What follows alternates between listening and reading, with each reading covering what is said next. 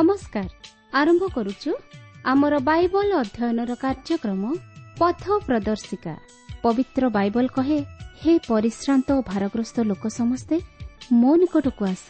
ମୁଁ ତୁମମାନଙ୍କୁ ବିଶ୍ରାମ ଦେବି। ଆସନ୍ତୁ ସେହି ଜୀବନଦାତାଙ୍କର ପରିଚୟ ପାଇ ଜୀବନରେ ବାସ୍ତବ ଶାନ୍ତି ଓ ମୁକ୍ତି ପାଇବା ନିମନ୍ତେ ଶୁଣିବା ବେତାର କାର୍ଯ୍ୟକ୍ରମ ପଥ ପ୍ରଦର୍ଶିକା।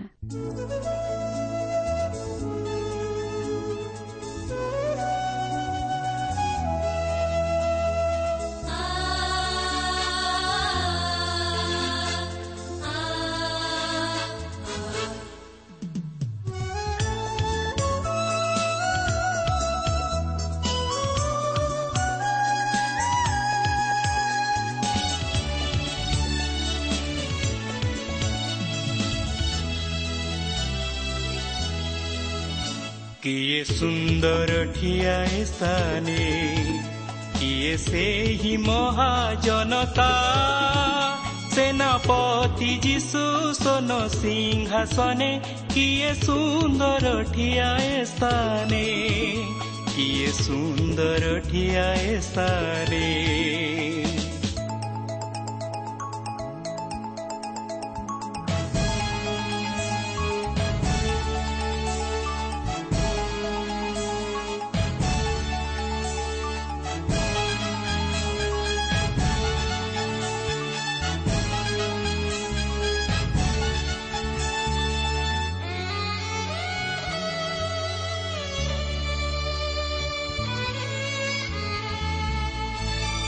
ठोडा हेऊ ती थोडा हेऊ पाचो हेऊ जहाँ कामै लगोई छोट हेऊ बाबड हेऊ कामो जि पाए करे। के सुन्दर ठिया एस्तानी के सेहि महाजनता सेनापती जिस सोनो सिंहासन ने କିଏ ସୁନ୍ଦର ଠିଆଏ ସ୍ଥାନେ କିଏ ସୁନ୍ଦର ଠିଆଏ ସ୍ଥାନେ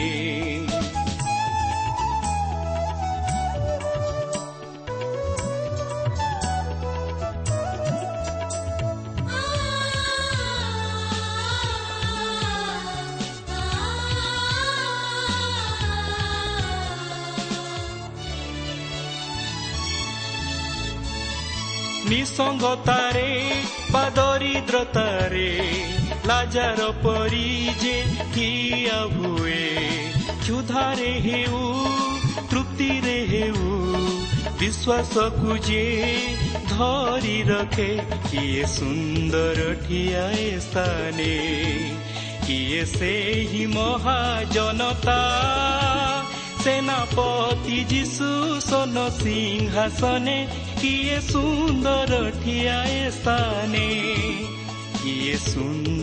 किरस्थाने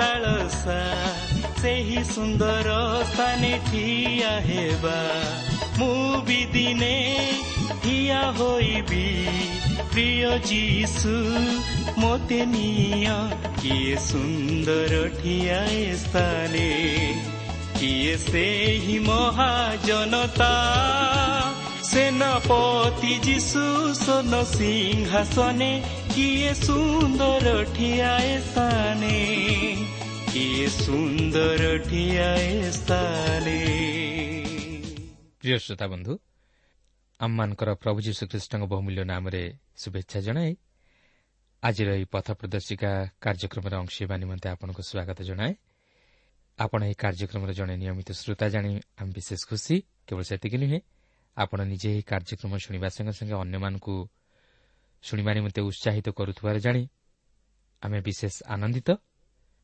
ଆମର ଅନୁରୋଧ ଆପଣ ସେମାନଙ୍କୁ ଉତ୍ସାହିତ କରିବା ସଙ୍ଗେ ସଙ୍ଗେ ସେମାନଙ୍କୁ ଆମ ସହିତରେ ପତ୍ର ମାଧ୍ୟମରେ ଯୋଗାଯୋଗ କରିବା ନିମନ୍ତେ ମଧ୍ୟ ଉତ୍ସାହିତ କରନ୍ତୁ। ଆସନ୍ତା ହେଲେ ପ୍ରଭୁଙ୍କର ବାକ୍ୟ ମଧ୍ୟକୁ ଯିବା ପୂର୍ବରୁ ସଂକ୍ଷେପରେ ପ୍ରାର୍ଥନା କରିବା। ପବିତ୍ର ପ୍ରଭୁ ଆମମାନଙ୍କର ସୃଷ୍ଟିକର୍ତ୍ତା ଉଦ୍ଧାରକର୍ତ୍ତା ଈଶ୍ୱର ତୁମର ପବିତ୍ର ନାମର ଧନ୍ୟବାଦ କରୁଅଛି ସୁନ୍ଦର ସମୟ ପାଇଁ। ତୁମର ଜୀବନ୍ତ ବାକ୍ୟ ପାଇଁ ତୁମର ସତ୍ୟତା ପାଇଁ ତୁମର ସୁରକ୍ଷା ପାଇଁ ତୁମର ପ୍ରେମ ତୁମର ଅନୁଗ୍ରହ ଦାନ ତୁମର ମଙ୍ଗଳଦାନ ପାଇଁ। କାରଣ ପ୍ରଭୁ ଆମମାନେ ଅଯୋଗ୍ୟ ଅପଦାର୍ଥ ପାପି ମନୁଷ୍ୟ ହେଲେ ମଧ୍ୟ ତୁମେ ଆମମାନଙ୍କୁ ପ୍ରଭୁ ବିନଷ୍ଟ ହେବା ପାଇଁ ଦେଇନାହ। ମାତ୍ର ପ୍ରଭୁ ଆମମାନଙ୍କୁ ତୁମେ ବଞ୍ଚି ରହିବା ପାଇଁ ସୁଯୋଗ ଦେଉଛ।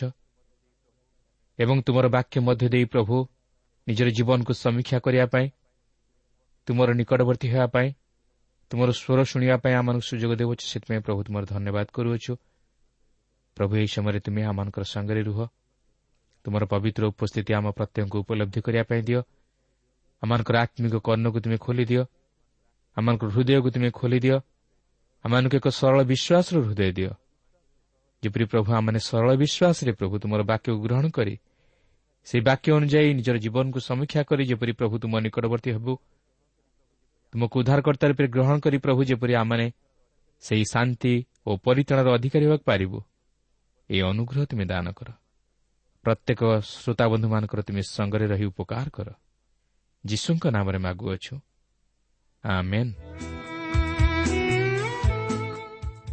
ଆସନ୍ତୁ ବର୍ତ୍ତମାନ ଆମେ ପ୍ରଭୁଙ୍କର ବାକ୍ୟ ମଧ୍ୟକୁ ଯିବା। ଆଜି ଆମେ ଯୌନ ଲିଖିତ ସୁଷମାଚାରର ଛଅ ପର୍ବର ବାଇଶ ପଦରୁ ଆରମ୍ଭ କରି ଅଣଷଠି ପର୍ଯ୍ୟନ୍ତ ପାଠ କରିବା ନିମନ୍ତେ ଯିବା। ତେବେ ଏଠାରେ ମୁଁ ଆପଣଙ୍କୁ ସ୍ମରଣ କରାଇଦିଏ ଯେ ଆମେ ପ୍ରତ୍ୟେକଟି ପଦକୁ ଅଧ୍ୟୟନ କରିବାକୁ ଯିବା ନାହିଁ ମାତ୍ର କେତେକ ମୁଖ୍ୟ ପଦ ଉପରେ ଦୃଷ୍ଟି ଦେବା। ଯଦି କୌଣସି ବିଷୟ ବୁଝିବାରେ ଆପଣଙ୍କର ଅସୁବିଧା ହୁଏ ତାହେଲେ ପତ୍ର ଦ୍ୱାରା ଆମ ନିକଟକୁ ଲେଖି ଜଣାଇଲେ ଆମେ ପତ୍ର ଦ୍ୱାରା ତାହା ବୁଝାଇ ଦେବା ନିମନ୍ତେ ଚେଷ୍ଟା କରିବୁ। କିନ୍ତୁ ମୋର ବିଶ୍ୱାସ ଆପଣ ଧ୍ୟାନର ସହିତ ଶୁଣିଲେ ଏବଂ ନିୟମିତ ଶୁଣିଲେ ସମସ୍ତ ବିଷୟ ଭଲ ଭାବେ ବୁଝିପାରିବେ। ତେବେ ଏଠାରେ ବର୍ତ୍ତମାନର ଆଲୋଚନାର ବିଷୟ ହେଉଛି ଯୀଶୁ ଯେ ସେହି ଜୀବନଦାୟକ ଆହାର ତାହା ସେ ଏହି ପାଞ୍ଚ ହଜାର ଲୋକଙ୍କୁ ଖୁଆଇ ପରିତୃପ୍ତ କରାଇବାର ଘଟଣା ପରେ ପରେ ପ୍ରକାଶ କରନ୍ତି। କାରଣ ଏହି ଆଶ୍ଚର୍ଯ୍ୟ କର୍ମ ସାଧନ କରିବା ପଛରେ ଯୀଶୁଙ୍କର ତାହା ହିଁ ପ୍ରଧାନ ଉଦ୍ଦେଶ୍ୟ ଥିଲା।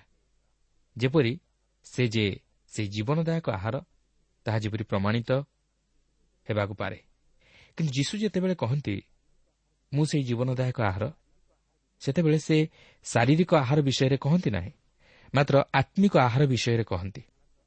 ଆପଣ ଜାଣିଥିବେ ଯେ ଯୀଶୁ ଯେତେବେଳେ ସେହି ସମୀରଣିଆ ସ୍ତ୍ରୀ ସହିତ ସେହି କୂପ ନିକଟରେ ସାକ୍ଷାତ କରିଥିଲେ ସେତେବେଳେ ସେ ସେହି ସ୍ତ୍ରୀକୁ କହିଥିଲେ ମୁଁ ସେହି ଜୀବନ୍ତ ଜଳ। ଓ ସେ ଏହା ଆତ୍ମିକ ଦୃଷ୍ଟିକୋଣରୁ ନେଇ କହିଥିଲେ।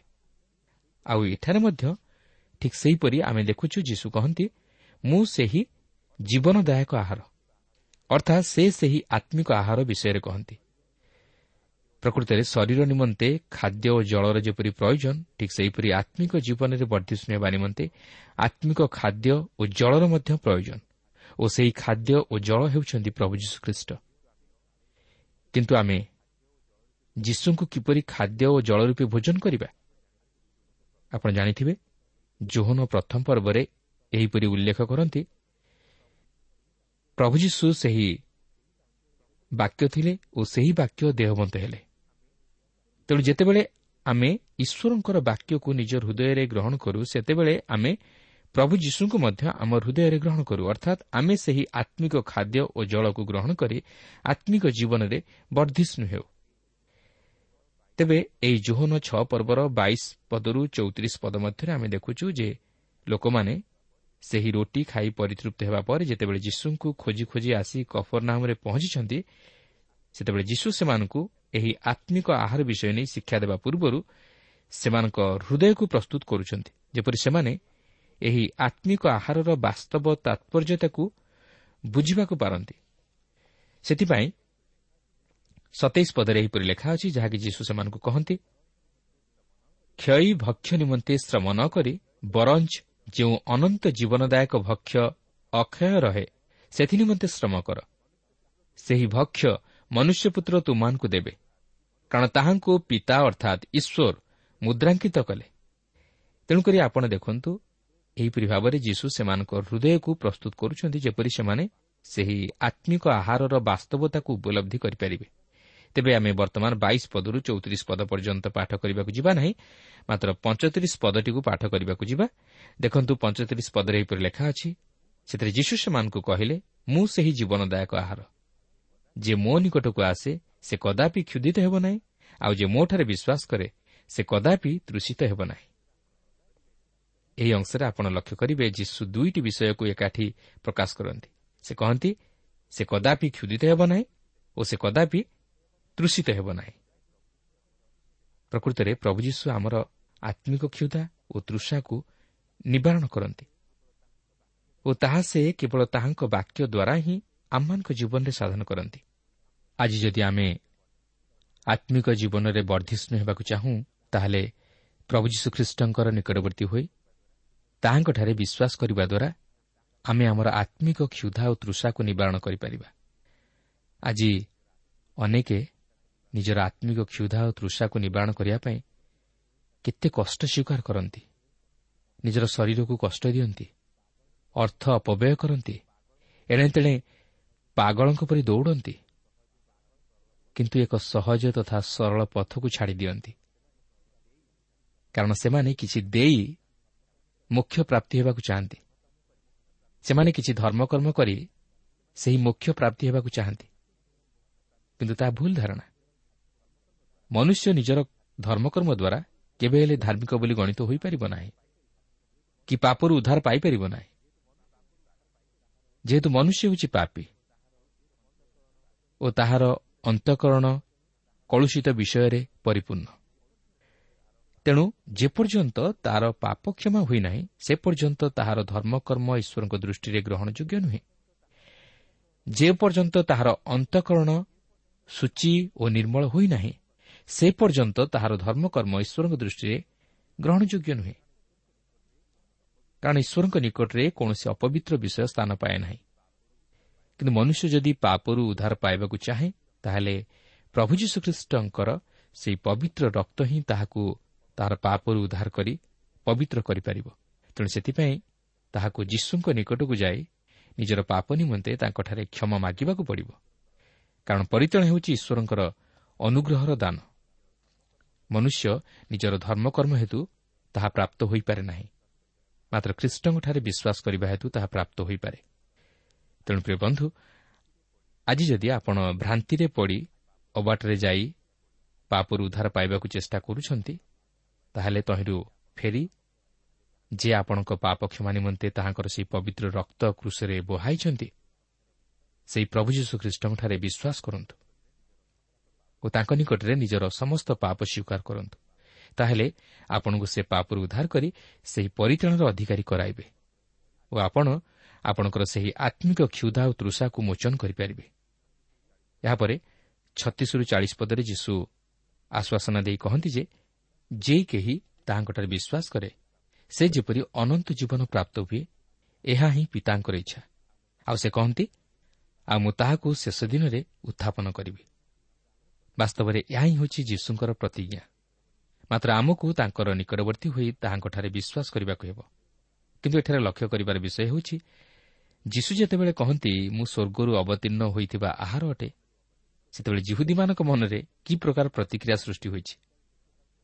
ଦେଖନ୍ତୁ ଛଅ ପର୍ବର ଏକଚାଳିଶ ଓ ବୟାଳିଶ ପଦରେ ଏହିପରି ଲେଖା ଅଛି ମୁଁ ସ୍ୱର୍ଗରୁ ଅବତୀର୍ଣ୍ଣ ହୋଇଥିବା ଆହାର ଅଟେ ସେ ଏହା କହିବାରୁ ଜିହୁଦୀମାନେ ତାହାଙ୍କ ବିରୁଦ୍ଧରେ ବଚସା କରି କହିବାକୁ ଲାଗିଲେ ଏ କ'ଣ ଜୋସେଫର ପୁଅ ଯୀଶୁ ନୁହେଁ? ଆଉ ଆମ୍ଭେମାନେ କ'ଣ ଏହାର ବାପା ମାଆକୁ ଜାଣୁନାହୁଁ?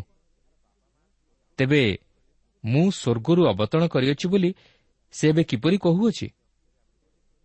ଏହି ଅଂଶରେ ଆପଣ ଲକ୍ଷ୍ୟ କରିବେ ଯୀଶୁଙ୍କ ପ୍ରତି ଜିହୁଦୀମାନଙ୍କର ମନୋଭାବ। ଯୀଶୁ ଯେତେବେଳେ କହନ୍ତି ଯେ ମୁଁ ସ୍ୱର୍ଗରୁ ଅବତୀର୍ଣ୍ଣ ହୋଇଥିବା ଆହାର ସେତେବେଳେ ସେ ତାଙ୍କର କୁମାରୀ ଗର୍ଭରୁ ଜନ୍ମଗ୍ରହଣ କରିବା ବିଷୟ ପ୍ରକାଶ କରନ୍ତି ଓ ଯୁହୁଦୀମାନେ ମଧ୍ୟ ତାହା ବୁଝିପାରିଥିଲେ। ତାହା ନ ହୋଇଥିଲେ ସେମାନେ କେବେ ହେଲେ ପ୍ରଶ୍ନ କରିନଥାନ୍ତେ ଏ କ'ଣ ଜୋସେଫର ପୁଅ ଯୀଶୁ ନୁହେଁ? ଆଉ ଆମମାନେ କ'ଣ ଏହାର ବାପା ମାଆକୁ ଜାଣୁନାହୁଁ? କିନ୍ତୁ ପ୍ରକୃତରେ ସେ ଜୋସେଫଙ୍କର ପୁଅ ନଥିଲେ। କାରଣ ସେ ସ୍ୱର୍ଗରୁ ଅବତରଣ କରିଥିଲେ ଓ ସେ ପବିତ୍ର ଆତ୍ମାଙ୍କ କର୍ତ୍ତୃକ ଜନ୍ମଗ୍ରହଣ କରିଥିଲେ। ସେହି ପବିତ୍ର ଆତ୍ମାଙ୍କ ଦ୍ୱାରା ସେ କୁମାରୀ ମରିୟମଙ୍କ ଗର୍ଭରେ ଜନ୍ମଗ୍ରହଣ କରିଥିଲେ। ପ୍ରିୟ ବନ୍ଧୁ ଯଦିଓ ପ୍ରଭୁ ଯୀଶୁ କୁମାରୀ ମରିୟମଙ୍କ ଗର୍ଭରୁ ଜନ୍ମଲାଭ କରିଥିଲେ ମାତ୍ର ସେ ସାଂସାରିକ ସହବାସ ଦ୍ୱାରା ନୁହେଁ ମାତ୍ର ପବିତ୍ର ଆତ୍ମାଙ୍କ ଦ୍ୱାରା ଜନ୍ମଗ୍ରହଣ କରିଥିଲେ। ତା ନ ହୋଇଥିଲେ ସେ କେବେ ହେଲେ କହିନଥାନ୍ତେ ମୁଁ ସ୍ୱର୍ଗରୁ ଅବତୀର୍ଣ୍ଣ ହୋଇଥିବା ଆହାର ଅଟେ। କିନ୍ତୁ ଦୁଃଖର ବିଷୟ ସେଦିନ ଜିହୁଦୀମାନେ ତାହାଙ୍କୁ ଈଶ୍ୱରଙ୍କ ପୁତ୍ର ରୂପେ ଗ୍ରହଣ କରିପାରି ନ ଥିଲେ କାରଣ ସେମାନଙ୍କ ମନରେ ସେହି ଗୋଟିଏ ଚିନ୍ତାଧାରା ଥିଲା ଯେ ସେ ଜୋସେଫଙ୍କର ପୁଅ। ସେମାନେ ତାହାଙ୍କର ମାନବତ୍ୱକୁ ବିଶ୍ୱାସ କରିଥିଲେ ମାତ୍ର ଈଶ୍ୱରତ୍ୱକୁ ନୁହେଁ। ତେବେ ଆଜି କ'ଣ ଆମ ଜୀବନରେ ସେ ପ୍ରକାର ଘଟୁନାହିଁ କି? ଆମେ ପ୍ରଭୁ ଯୀଶୁଙ୍କୁ କେବଳ ଜଣେ ମହାପୁରୁଷ ଭାବରେ ବିଶ୍ୱାସ କରୁ ଓ ତାହାଙ୍କର ବାଣୀକୁ ଅଧ୍ୟୟନ କରୁ। ମାତ୍ର ତାହାଙ୍କର ଈଶ୍ୱରତ୍ୱକୁ ବିଶ୍ୱାସ କରିପାରୁନା କି ସେ ଯେ ଈଶ୍ୱରଙ୍କ ପୁତ୍ର ତାହା ମଧ୍ୟ ବିଶ୍ୱାସ କରୁନା। କିନ୍ତୁ ପ୍ରିୟ ବନ୍ଧୁ ଆପଣଙ୍କୁ ମୁଁ କହି ରଖେ ଯେ ପ୍ରଭୁ ଯୀଶୁ ଯଦିଓ ମାନବ ରୂପରେ ଏହି ଜଗତରେ ଜନ୍ମଗ୍ରହଣ କରିଥିଲେ ମାତ୍ର ସେ ଈଶ୍ୱର ଥିଲେ। ସେ ଜଣେ ମହାପୁରୁଷ ନଥିଲେ ମାତ୍ର ଜଣେ ମହାପୁରୁଷର ଉଦ୍ଧାରକର୍ତ୍ତା ଥିଲେ ଯାହାକି ଆମେ ତାହାଙ୍କର କାର୍ଯ୍ୟ ଦ୍ୱାରା ଓ ତାହାଙ୍କର ବାକ୍ୟ ଦ୍ୱାରା ଓ ତାହାଙ୍କର ଜୀବନ ଦ୍ୱାରା ଦେଖିବାକୁ ପାରୁ।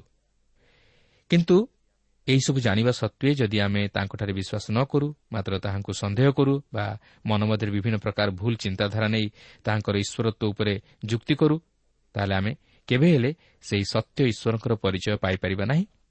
କି ପ୍ରଭୁ ଯୀଶୁଙ୍କଠାରେ ବିଶ୍ୱାସ କରି ପାପରୁ ଉଦ୍ଧାର ପାଇ ସେହି ଅନନ୍ତ ଜୀବନର ଅଧିକାରୀ ହୋଇପାରିବା ନାହିଁ। ତେଣୁ ମନରେ କୌଣସି ସନ୍ଦେହ ନ କରି ପ୍ରଭୁ ଯୀଶୁଙ୍କଠାରେ ବିଶ୍ୱାସ କରନ୍ତୁ ଓ ସେ ଯେ ଈଶ୍ୱରଙ୍କ ପୁତ୍ର ଓ ସେ ଯେ ମୋର ପାପ ନିମନ୍ତେ ସେହି କୃଷି ମୃତ୍ୟୁଭୋଗ କରି ମୋତେ ପାପରୁ ଉଦ୍ଧାର କରିବା ନିମନ୍ତେ ତାଙ୍କ ପବିତ୍ର ରକ୍ତ ଦେଲେ ଏହା ହୃଦୟରେ ଦୃଢ଼ ରୂପେ ବିଶ୍ୱାସ କରି ତାଙ୍କଠାରେ ନିଜର ସମସ୍ତ ପାପ ସ୍ୱୀକାର କରନ୍ତୁ। ତାହେଲେ ଆପଣ ପାପରୁ ଉଦ୍ଧାର ପାଇ ଅନନ୍ତ ଜୀବନର ଅଧିକାରୀ ହୋଇପାରିବେ। ଦେଖନ୍ତୁ ଜୁହୁଦୀମାନେ ଯେତେବେଳେ ଏହିପରି ବଚସା କରୁଅଛନ୍ତି ସେତେବେଳେ ସେ ସେମାନଙ୍କୁ କି ଉତ୍ତର ଦେଉଛନ୍ତି ତେୟାଳିଶରୁ ସତଚାଳିଶ ପଦରେ ଲେଖା ଅଛି। ଯୀଶୁ ସେମାନଙ୍କୁ ଉତ୍ତର ଦେଲେ ଆପଣା ଆପଣା ମଧ୍ୟରେ ବଚସା କର ନାହିଁ।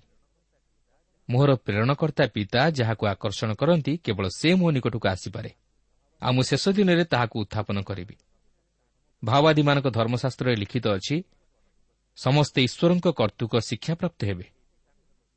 ଯିଏ କେହି ପିତାଙ୍କଠାରୁ ଶ୍ରବଣ କରି ଶିକ୍ଷା ଲାଭ କରିଅଛି ସେ ମୋ ନିକଟକୁ ଆସେ। କେହି ଯେ ପିତାଙ୍କୁ ଦେଖିଅଛି ତାହା ନୁହେଁ ଯେ ଈଶ୍ୱରଙ୍କଠାରୁ ଆସିଅଛନ୍ତି କେବଳ ସେ ପିତାଙ୍କୁ ଦେଖିଅଛନ୍ତି। ସତ୍ୟ ସତ୍ୟ ମୁଁ ତୁମମାନଙ୍କୁ କହୁଅଛି ଯେ ବିଶ୍ୱାସ କରେ ସେ ଅନନ୍ତ ଜୀବନ ପ୍ରାପ୍ତ ହୋଇଅଛି। ପ୍ରକୃତରେ ପ୍ରଭୁ ଯୀଶୁ ଏଠାରେ କହିବାକୁ ଚାହାନ୍ତି ଯେ ସେ ହିଁ ପିତାଙ୍କଠାରୁ ଆସିଅଛନ୍ତି ଓ ସେ କେବଳ ପିତାଙ୍କୁ ଦେଖିଅଛନ୍ତି। ଯେଉଁମାନେ ଈଶ୍ୱରଙ୍କ ବାକ୍ୟ ଶୁଣନ୍ତି ସେମାନେ ହିଁ କେବଳ ଖ୍ରୀଷ୍ଟଙ୍କ ନିକଟକୁ ଆସିପାରନ୍ତି। ପ୍ରକୃତରେ ଯେଉଁମାନେ ଈଶ୍ୱରଙ୍କ ବାକ୍ୟକୁ ହୃଦୟରେ ଗ୍ରହଣ କରନ୍ତି ସେମାନେ ହିଁ ଯୀଶୁଖ୍ରୀଷ୍ଟଙ୍କୁ ଗ୍ରହଣ କରନ୍ତି। କାରଣ ଯୀଶୁଖ୍ରୀଷ୍ଟ ନିଜେ ସେହି ବାକ୍ୟ ରୂପୀ ଈଶ୍ୱର ଯିଏକି ମାନବ ଦେହ ଧାରଣ କରି ଏହି ଜଗତ ନିକଟରେ ପ୍ରକାଶିତ ହେଲେ। ତେଣୁ ଯେଉଁମାନେ ଯୀଶୁଖ୍ରୀଷ୍ଟଙ୍କଠାରେ ବିଶ୍ୱାସ କରନ୍ତି ସେମାନେ ପିତା ଈଶ୍ୱରଙ୍କଠାରେ ମଧ୍ୟ ବିଶ୍ୱାସ କରନ୍ତି। କାରଣ ଯୀଶୁଖ୍ରୀଷ୍ଟ ହେଉଛନ୍ତି ଅଦୃଶ୍ୟ ଈଶ୍ୱରଙ୍କର ପ୍ରତିମୂର୍ତ୍ତି ଯାହାଙ୍କ ମଧ୍ୟରେ ଈଶ୍ୱର ଜଗତ ନିକଟରେ ପ୍ରକାଶିତ ହେଲେ। ତେଣୁ ଆଜି ଯଦି ଆପଣ ପ୍ରଭୁ ଯୀଶୁଙ୍କର ପରିଚୟ ପାଇଛନ୍ତି ତାହେଲେ ଆପଣ ଈଶ୍ୱରଙ୍କର ମଧ୍ୟ ପରିଚୟ ପାଇଅଛନ୍ତି ଓ ଆପଣ ଖ୍ରୀଷ୍ଟଙ୍କଠାରେ ବିଶ୍ୱାସ କରିବା ଦ୍ୱାରା ସେହି ଅନନ୍ତ ଜୀବନର ଅଧିକାରୀ ହୋଇଅଛନ୍ତି। ଏହାପରେ ଅଡ଼ଚାଳିଶରୁ ଏକାବନ ପଦରେ ଯୀଶୁ ପୁନର୍ବାର ଯୁହୁଦୀମାନଙ୍କୁ କହନ୍ତି ମୁଁ ସେହି ଜୀବନଦାୟକ ଆହାର। ଓ ଏକାବନ ପଦର ଶେଷାଂଶରେ ସେ ଏହିପରି କହନ୍ତି ହଁ ମୁଁ ଯେଉଁ ଆହାର ଦେବି ତାହା ମୋର ମାଂସ ମୁଁ ତାହା ଜଗତର ଜୀବନ ନିମନ୍ତେ ଦେବି।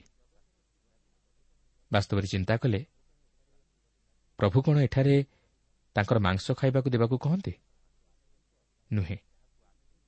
ସେ ଏହାକୁ ଆତ୍ମିକ ଅର୍ଥରେ କହନ୍ତି କାରଣ ସେ ବାକ୍ୟ ରୂପୀ ଈଶ୍ୱର ଥିଲେ ଓ ସେ ଦେହବନ୍ତ ହୋଇ ଏହି ଜଗତକୁ ଆସି ଆପଣଙ୍କର ଓ ମୋର ପାପ ନିମନ୍ତେ ସେହି କୃଷରେ ପ୍ରାୟଶ୍ଚିତ ବଳି ସ୍ୱରୂପେ ଆପଣାକୁ ଉତ୍ସର୍ଗ କଲେ।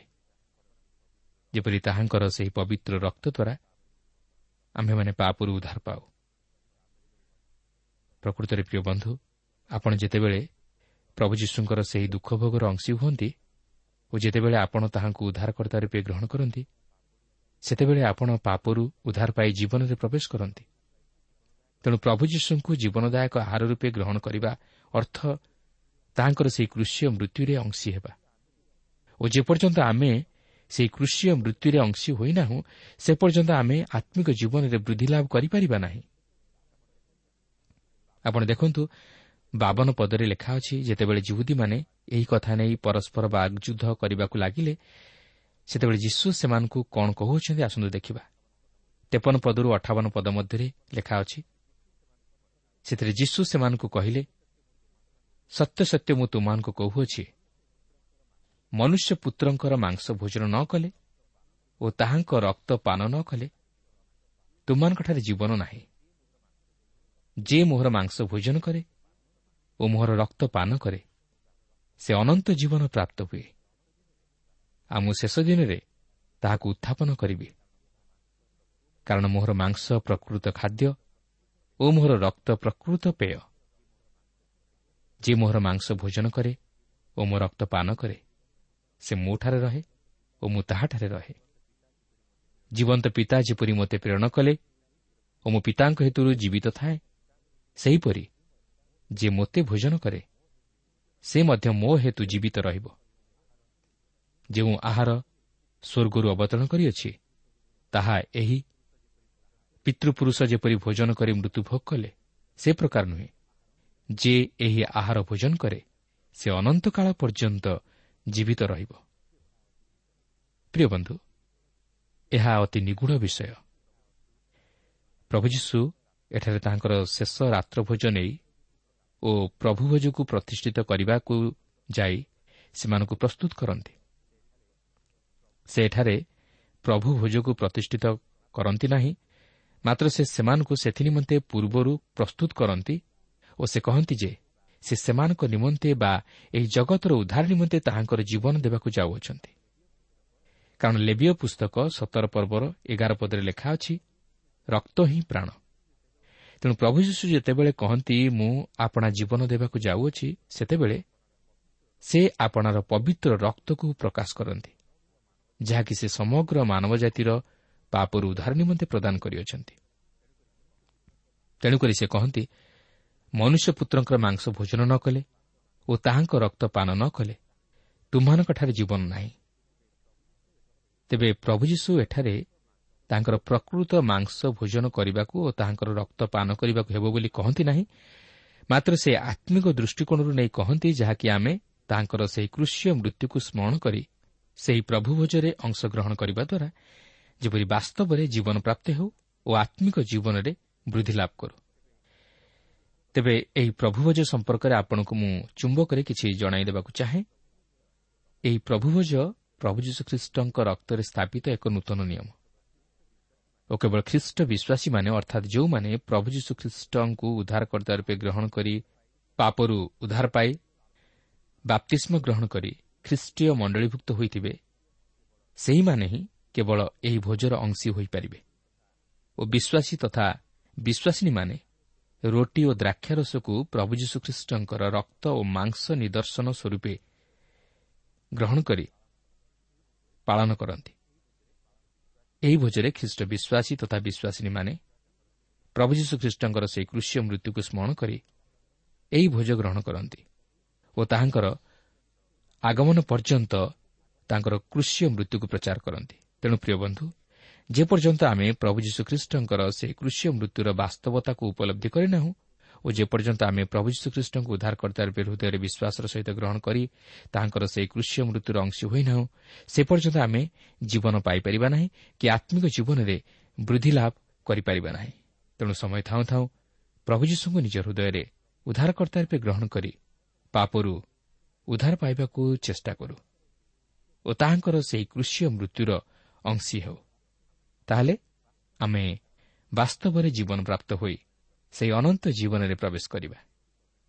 ତେବେ ଅଣଷଠି ପଦରେ ଲେଖା ଅଛି ଏହି ସମସ୍ତ ବିଷୟ ନେଇ ଯୀଶୁ କଫର ନାହମୁର ଗୋଟିଏ ସମାଜ ଗୃହରେ ଶିକ୍ଷା ଦେଇଥିଲେ।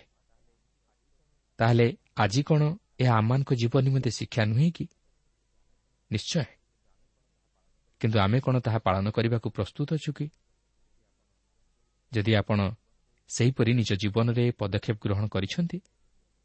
ତାହେଲେ ଆପଣ ନିଶ୍ଚିତ ଭାବରେ ପ୍ରଭୁ ଯୀଶୁଙ୍କର ପରିଚୟ ପାଇଅଛନ୍ତି ଓ ସେ ଆପଣଙ୍କର ଉଦ୍ଧାରକର୍ତ୍ତା ଈଶ୍ୱର ହୋଇଅଛନ୍ତି। ପ୍ରିୟ ବନ୍ଧୁ ପ୍ରଭୁ ଆଜି ତାଙ୍କର ବାକ୍ୟ ମଧ୍ୟ ଦେଇ ଆମମାନଙ୍କୁ ସୁଯୋଗ ଉପରେ ସୁଯୋଗ ଦିଅନ୍ତି ନିଜର ପାପମୟ ଜୀବନକୁ ସମୀକ୍ଷା କରି ଆଉ ସେହି ସମସ୍ତ ପାପକୁ ତାହାଙ୍କ ନିକଟରେ ସ୍ୱୀକାର କରି କ୍ଷମା ମାଗି ପାପରୁ ଉଦ୍ଧାରପ୍ରାପ୍ତ ହୋଇ ସେହି ଅନନ୍ତ ଜୀବନର ଅଧିକାରୀ ହେବା ପାଇଁ। କିନ୍ତୁ ଆମେ ଯଦି ସୁଯୋଗର ସଦ୍ବ୍ୟବହାର ନ କରୁ ଯଦି ଆମେ ଶକ୍ତଗିରିବ ହୋଇ ନିଜର ଅନ୍ଧବିଶ୍ୱାସରେ ପରିଚାଳିତ ହେଉ ତାହେଲେ ଆମେ କେବେ ହେଲେ ଉଦ୍ଧାରପ୍ରାପ୍ତ ହୋଇପାରିବା ନାହିଁ। ପବିତ୍ର ଈଶ୍ୱରଙ୍କର ସାନ୍ନିଧ୍ୟ ଲାଭ କରିବାକୁ ହେଲେ ଆମମାନଙ୍କୁ ପବିତ୍ର ହେବାକୁ ହେବ। ଆଉ ସେହି ପ୍ରଭୁ ଯୀଶୁଖ୍ରୀଷ୍ଟ ହିଁ ଆମମାନଙ୍କୁ ପବିତ୍ର କରି ଗଢ଼ି ତୋଳିବେ। ଆଜି ପାଇଁ ସମୟ ହୋଇଯାଇଛି। ଏହିଠାରେ ଏହି କାର୍ଯ୍ୟକ୍ରମ ସ୍ଥଗିତ ରଖିବା। ପରବର୍ତ୍ତୀ କାର୍ଯ୍ୟକ୍ରମରେ ଆପଣଙ୍କ ସହ ସାକ୍ଷାତ ହେବ। ଈଶ୍ୱର ଆପଣଙ୍କର ସହବର୍ତ୍ତୀ ହୁଅନ୍ତୁ।